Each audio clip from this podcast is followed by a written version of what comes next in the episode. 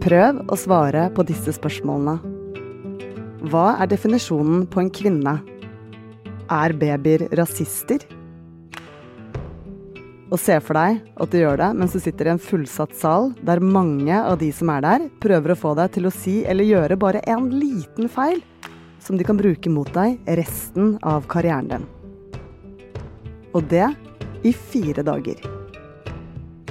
Det var uka til Ketanji Brown Jackson da hun ble grillet i det amerikanske senatet. For hun ønsker nemlig å bli USAs første svarte kvinnelige høyesterettsdommer og i dag får hun et ja eller nei fra justiskomiteen. Men hva vil det bety for USA? Du hører Forklart fra Aftenposten, og jeg heter Synne Søhol. I dag er det mandag 4. april. Det som skal skje nå, er at en av de sittende høyesterettsdommerne, Stephen Breyer, han går av med pensjon. Og Det betyr at presidenten, altså Joe Biden, får muligheten til å utnevne en ny dommer til Høyesterett. Øystein Kløvstad Langberg er Aftenpostens USA-korrespondent. Han følger prosessen med å få på plass en helt ny dommer til USAs høyeste rettsinstans fra New York. Utpeking og nominering av høyesterettsdommere i USA det er alltid en stor nasjonal begivenhet. Men denne gangen er det på en måte ekstra spesielt, noen vil si historisk, fordi det er en svart kvinne som er Bidens kandidat. Og det har aldri skjedd før. Eh, noen gang. Og noen antok egentlig at hele denne utnevnelsen ville bli relativt sånn ukontroversiell. Det er en svart kvinne. De er kanskje ekstra forsiktige med å kritisere et sånt historisk valg. Du har krigen i Ukraina, som bare tar utrolig mye oppmerksomhet i Washington.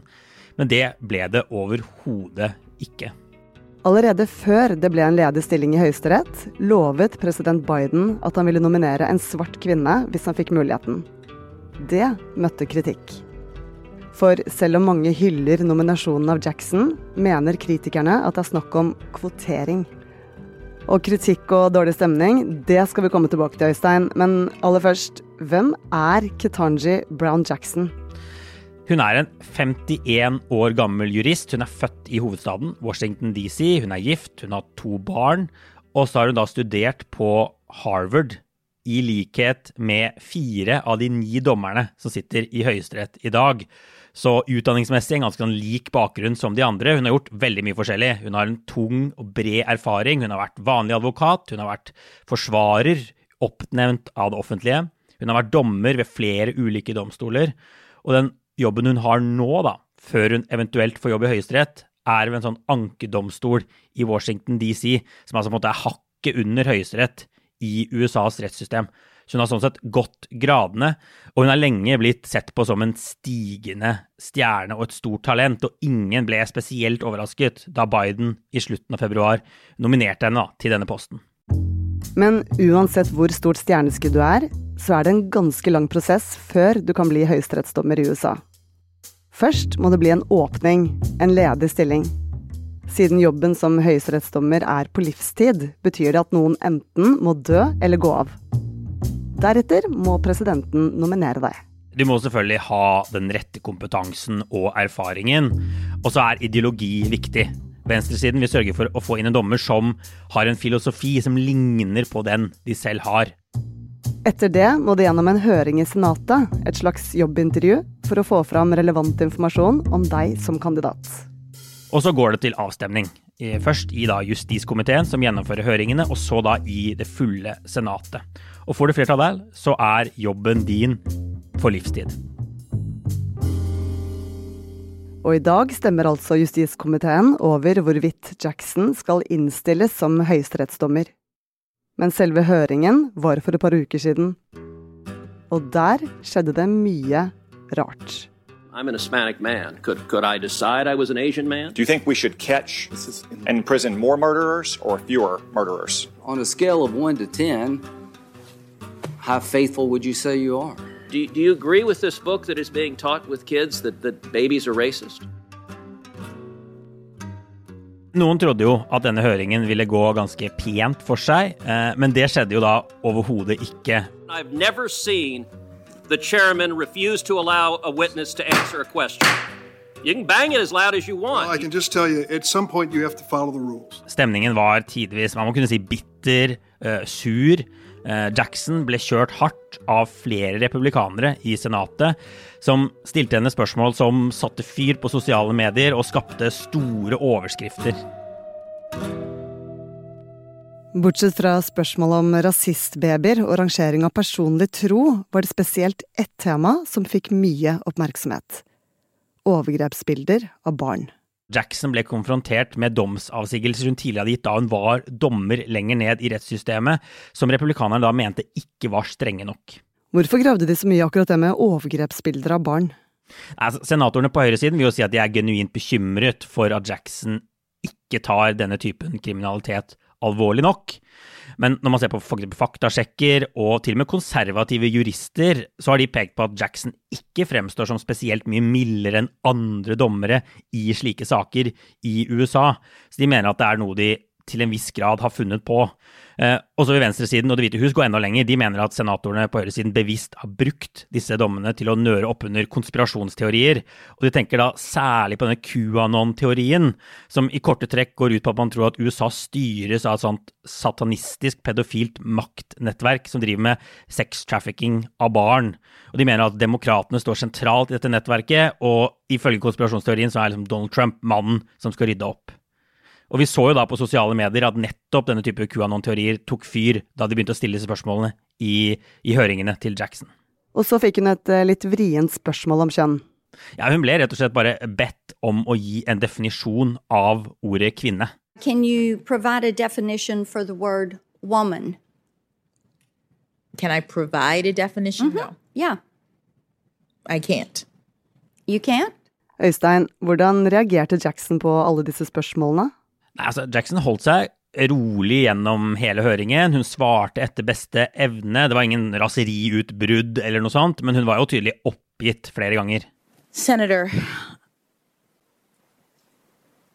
I do not believe that any child should be made to feel as though they are racist. Men den hissige og ganske merkelige utspørringen handler om mer enn å vippe Jackson av pinnen. Temaene kan nemlig avsløre republikanernes politiske planer til høsten.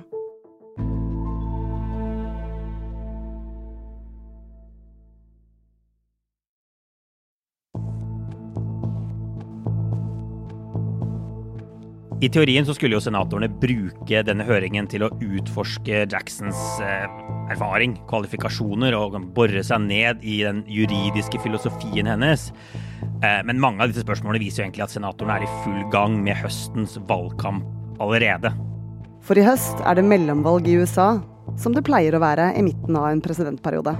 Der 2024 handler om å velge president igjen, handler mellomvalget 2022 om viktige seter i den lovgivende forsamlingen, Kongressen.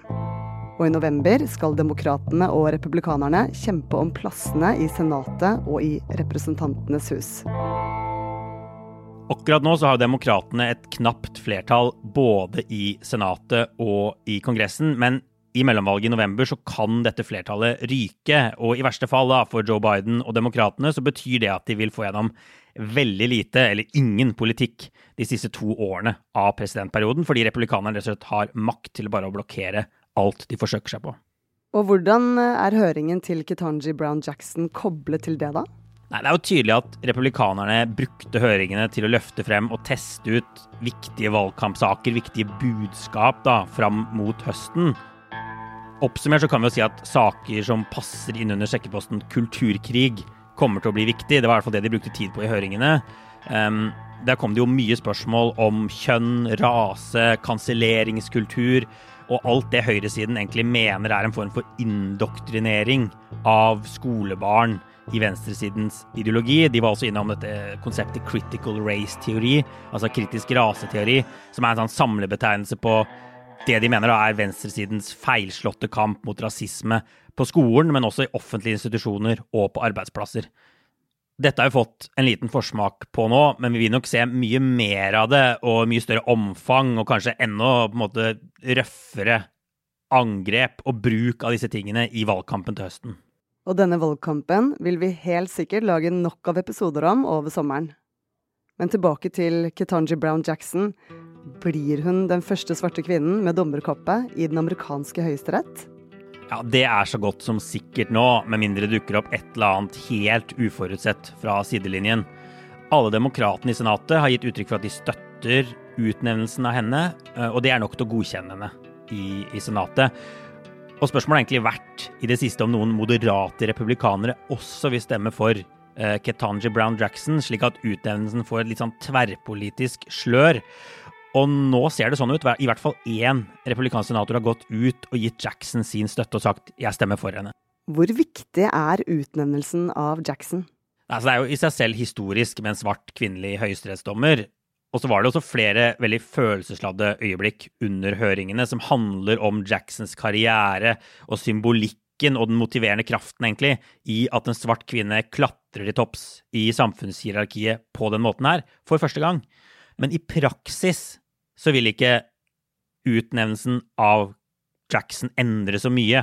Eh, dommeren som Jackson tar overfor, tilhørte også den liberale venstrefløyen, så den ideologiske balansen i Høyesterett den forblir akkurat den samme eh, som før, etter at hun er satt inn også.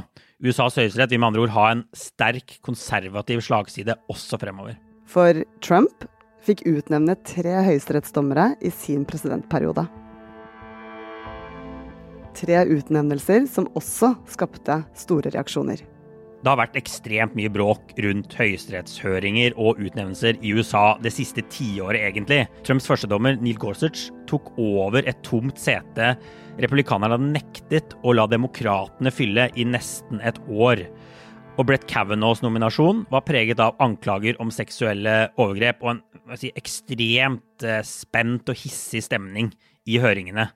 Og den tredje dommeren Trump utnevnte, Amy Coney Barrett, ble godkjent i full fart bare kort tid før valget i 2020. Og det skjedde etter at det liberale ikonet Ruth Bader Ginsburg døde. Og det hadde også mye å si da, for den ideologiske balansen. At en liberal dommer ble byttet ut med en svært konservativ eh, dommer. Så selv etter at Jackson ble utnevnt, vil seks av de ni dommerne i Høyesterett være regnet som konservative, mens bare tre vil være liberale. Og Jackson vil da være en av de. Og det kan få mye å si for veldig mange amerikanere i tiden fremover. For det er ikke bare mellomvalg i år. I 2022 kan det også bli tatt noen viktige avgjørelser i Høyesterett. Blant annet behandler de en sak om våpen, der enden på visa fort kan bli at en rekke demokratiske stater, som i dag er relativt strenge, må liberalisere våpenlovene sine betydelig. Men den saken som allerede har fått mye oppmerksomhet, og sannsynligvis vil dominere dette året, handler om abort. Eh, de konservative dommerne har signalisert at de ikke liker dagens lovgivning, og i ytterste konsekvens så kan de ende opp med rett og slett bare å fjerne den føderale retten til abort i USA. Og da blir det altså opp til hver enkelt delstat å lage sine egne regler. Og skjer det, så vil abort bli eh, helt, eller nesten helt forbudt i et tyvetall amerikanske konservative delstater. Så med andre ord vil Høyesterett spille en viktig rolle i mange amerikaneres liv i år? Ja. Eh, Høyesterett har flere ganger i historien kommet med dommer som rett og slett setter fyr på den politiske debatten. Eh, og som vi sa, i år er det mellomvalg, så det kan fort vekk skje igjen. Eh, og det er nettopp derfor det er så sterke følelser når det skal utpekes nye dommere til denne domstolen. Ketanji Brown Jacksons utnevnelse betyr jo ikke så mye akkurat nå, fordi domstolen er så tungt konservativ.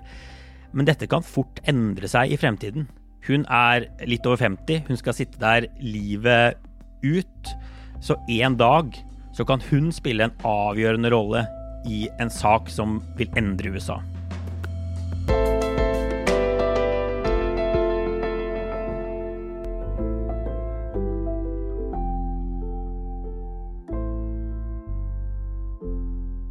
I denne episoden har du hørt Aftenpostens USA-korrespondent Øystein Kløvstad Langberg. Du hørte lyd fra nyhetsbyrået AP og C-SPAN. Det er produsentene David Vekoni og Jenny Førland og meg, Synne Søhol, som har laget denne episoden. Resten av Forklart er Anne Lindholm, Fride Næss Nonstad, Marte Spurkland og Anders Weberg.